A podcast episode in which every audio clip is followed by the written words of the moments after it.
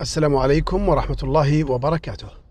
من خلال الاستبيان الذي وضعته عن مدى آه، أو مستوى القراءة لدى كل الإخوة والأخوات الذين يتابعون القناة آه، النتيجة يعني بكل صراحة لم تكن بالشكل الذي كنت أؤمله أو أتوقعه كنت أتوقع نتيجة أفضل وأن هناك عدد كبير من الإخوة والأخوات هم من القراء فأنا وضعت أربع مراتب للموضوع القراءة. في الاستبيان آه، لا يقرأ أو يقرأ بشكل قليل أو يقرأ بشكل يعني لا بأس به ومرضي آه، أو يقرأ بشكل نهم ورائع وكثير. وتوقعت أن تكون النسبة الأعلى هي في الشق الأدنى في في في الجزئين الأخيرين اللي يقرأ بكثرة أو يقرأ بشكل مرضي.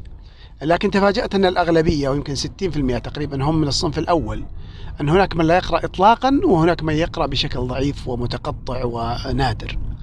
والحقيقة التي أود أن أذكرها في والتي أصلا هذا الاستبيان جاء لكي يناقشها أن هي أحبتي القراءة أمر مهم جدا. القراءة مدخل رئيسي للمعرفة. ممكن آه، تحصل على المعرفة بطرق كثيرة لكن القراءة أحد أهم أقدم وأهم الوسائل لتلقي المعرفة والخبرة والمهارات ومعرفة الواقع ومعرفة الماضي واستشراف المستقبل. تبقى القراءة مصدر مهم لأن الكتب يعني هي منتج ثقافي يبذل الجهد الكبير آه، لإصداره. ولو تأملنا في أي كتاب من هذه الكتب الموجودة اليوم وتتبعنا تاريخ والساعات التي مضت آه، لأجل إنجاز هذا المشروع لوجدناها ساعات طوال و آه، يعني أيام إثر أيام وأحيانا شهور وأحيانا سنوات يخرج من خلال هذا المنتج الذي يقع بين يديك بكل سهولة ويسر. آه، قد يواجه البعض منا إشكال أنه لا يجد وقتا على حد قوله للقراءة والحقيقة أن الوقت متاح لك لكنك أنت أحيانا آه، إما أن يكون عندك طموح عالي فتقول يا أقرأ زي الناس ولا ما أقرأ؟ وهذه هي أم الدواهي. آه، بإمكان كل واحد منا أن يصطحب معه أولا كتابا حيثما حل وحيثما ارتحل وليكن كتيب صغير. لا نبالغ ونأخذ معنا مجلد ضخم أو كتاب من 400 صفحة ونقول ودنا نقرأه.